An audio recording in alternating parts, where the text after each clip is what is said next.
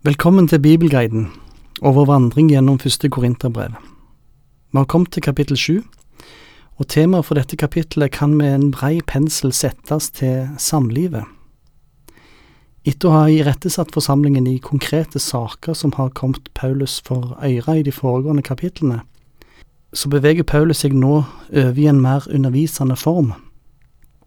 Det er ikke konkrete hendelser eller saker i menigheten som utgangspunktet for undervisningen, men det kan virke som om Paulus har fått en del spørsmål om samlivsetikk ifra menigheten. Paulus begynner med å tale om samlivet i ekteskapet. Når det gjelder det dere skrev om, så er det godt for en mann ikke å røre en kvinne. Men for å unngå hor skal hver mann ha sin kone og hver kvinne sin ektemann. Mannen skal oppfylle sin forpliktelse overfor kvinnen og hun overfor ham.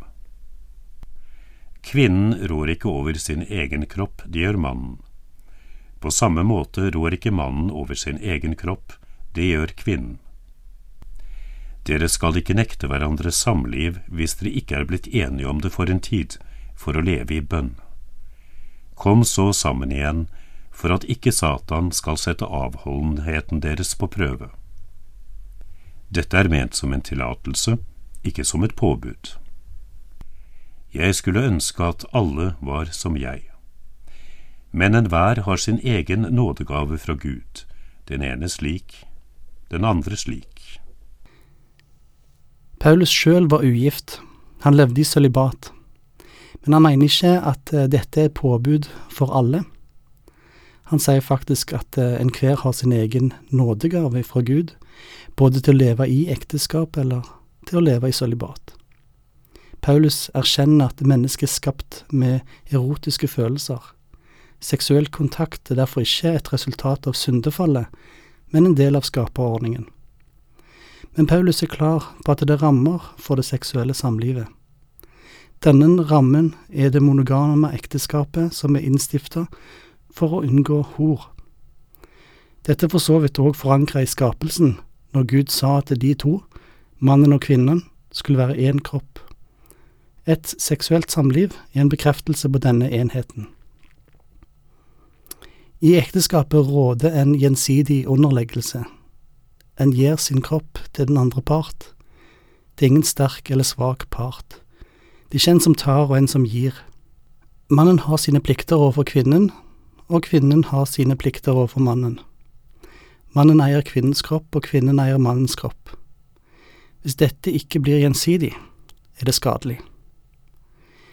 Det er ikke vers som en trekker fram for å kontrollere den andre part. Det er ikke sånn at alt ditt er mitt, nei, alt mitt er ditt.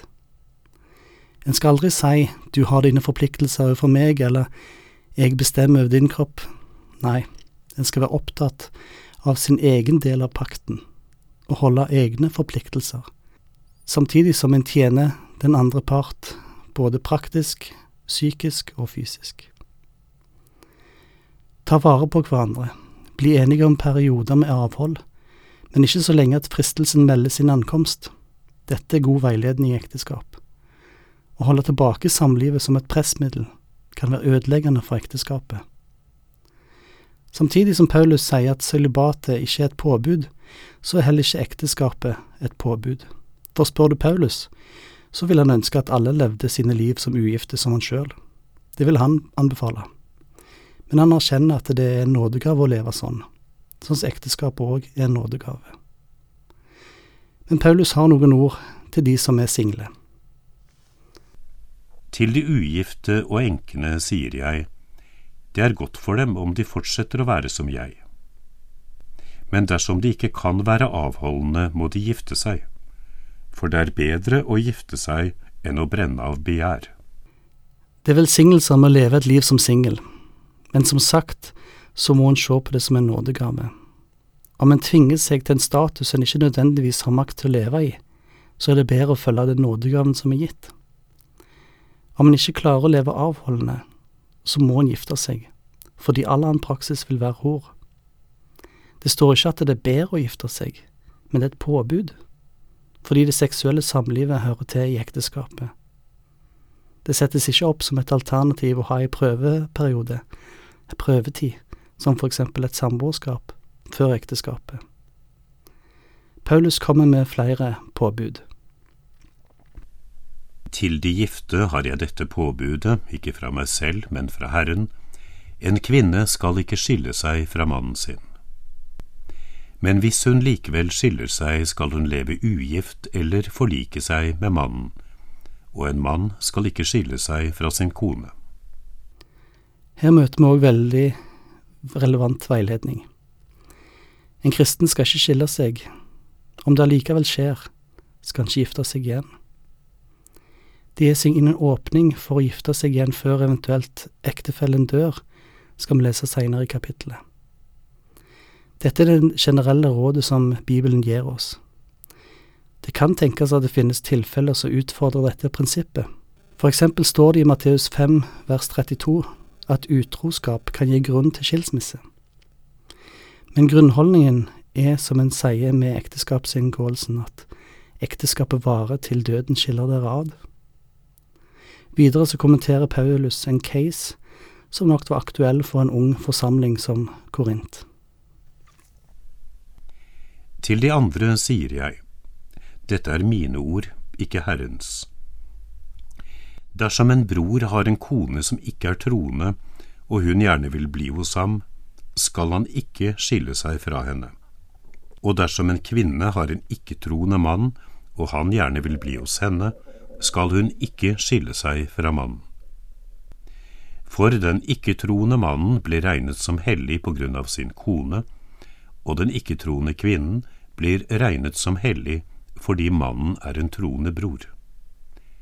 Ellers ville jo barna deres være urene, men nå er de hellige. Men hvis den ikke-troende vil skilles, så la ham gjøre det. I slike tilfeller er ikke den troende broren eller søsteren bundet. Gud har kalt dere til fred. For vet vel du, kvinne, om du kan redde din mann, og vet vel du, mann, om du kan redde din kone. Det er godt mulig at den ene part kom til tro uten at ektefellen kom til tro i den unge menigheten i Korint. Til disse kommer Paulus med noen råd. Det er interessant at Paulus her understreker at det er råd ifra han. Han råder de til å bli i ekteskapet, selv om de ikke deler samme tru. Om den ikke-truende part skulle ønske å skilles, må en bare akseptere det. Men dette med hellighet virker kanskje litt rart for oss. Om barn hellig, eller om mannen eller kvinnen blir regnet som hellig, hvis og om og men. Da kan det være nyttig for oss å se for oss et hjem hvor noen tilba Jesus, mens andre tilba Sevs, med blant annet ofringer og andre innvirkninger på familielivet. Var det mulig å leve som kristen i et hjem hvor familien òg tilba andre guder, og en sjøl var i kontakt og berøring med avgudsdyrkelse. Paulus sier ja til det. Bevar din integritet, de tru. Den troendes nærvær i familien helliget familien. En skulle ikke gå på kompromiss med trua og vanhellige seg sjøl, men en kunne stå i den stillingen til velsignelse for familien så blei det ektefellens sak om han eller hun da ville ta imot trua eller ikke. Du vet jo ikke om du kan frelse din ektefelle. Så følger noen vers som virker malplassert når temaet for kapittelet er samliv. Derfor skal enhver leve sitt liv der Herren har satt ham, der han var da Gud kalte ham. Dette gir jeg pålegg om i alle menighetene. Om noen ble kalt som omskåret, skal han ikke prøve å forandre det. Om noen er blitt kalt som uomskåret, skal han ikke la seg omskjære. For det som betyr noe, er ikke å være omskåret eller uomskåret, men å holde Guds bud. Enhver skal forbli der han var da han ble kalt. Ble du kalt som slave? La ikke det bekymre deg men kan du bli fri, så velg heller det.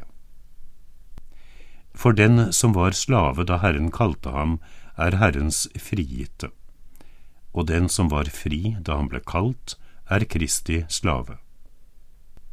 Dere er kjøpt og prisen betalt, så bli ikke slaver av mennesker. Mine søsken, enhver skal forbli der han var da han ble kalt, og være der for Gud. Mange opplever det at når de kommer til tru, så betyr det et brudd med familie, venner og ektefelle. Dette ser vi kanskje tydeligst i dag blant muslimer som har konvertert til kristendommen. Dette er en uheldig konsekvens av omvendelse, og ikke en nødvendighet. Det er ikke ønskelig. Paulus oppfordrer leseren til å bli i de relasjonene en var i når en kom til tro. Å bli en kristen betyr ikke et brudd med venner, familie og arbeid. Vi møter her noen utfordringer som nye kristne ofte møter. Må de bryte med alle sine tidligere tradisjoner og sin kultur for å bli kristen? Hva skjer med meg når jeg blir kristen? Må jeg bli jøde for å bli kristen? Du er den du er, sier Paulus. Gud har kalt deg. Du er fri fra de bånd som har bundet deg. Du er nå kalt til å holde Guds bud. Uansett status er nå alt nytt. Følte du deg som en slave før du kom til tru, kan du se deg sjøl som frikjøpt. Følte du deg som en fri før du ble kalt ja, se på deg nå som Guds slave. Det viktige er ikke det som er av verden lenger. Det eneste som er viktig nå, er Gud og Guds vilje, som vi finner i Guds ord. Det ønsker du å leve etter. Dette er det viktige. Samtidig er det viktig at en ikke gir seg over til menneskelige trelldom igjen, men at en forblir fri i Kristus. Vi må stanse her i dag, men vil fortsette på dette kapittelet om samliv i neste episode.